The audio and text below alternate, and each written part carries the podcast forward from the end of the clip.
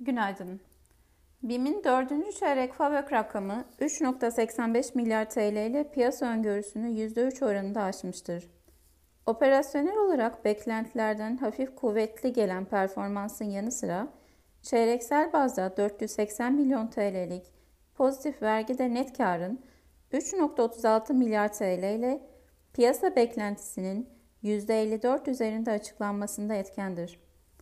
Dördüncü çeyrek net karı ertelenmiş vergi etkisinden arındırıldığında 2,5 milyar TL ile konsensusun %15 üzerindedir.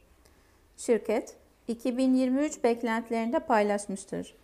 Buna göre yıllık satış artışı tahmini %75 artı eksi 5 bandında, FAVÖK marjı beklentisi %7 ila 7,5 bandında ve yatırımların satışlara oranı öngörüsü ise %3,5'tur.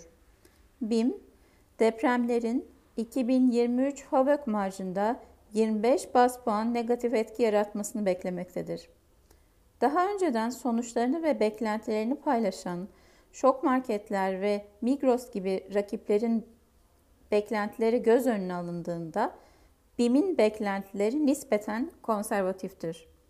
2022 gerçekleşmelerini hatırlatmak gerekirse BİM ve ŞOK ciro artışı anlamında yıllık bazda %109 artış kaydederken Migros'un cirosu ise yıllık bazda %105 artmıştır. Her üç şirketin de 2022 FAVÖK marjı %8 seviyesindeydi.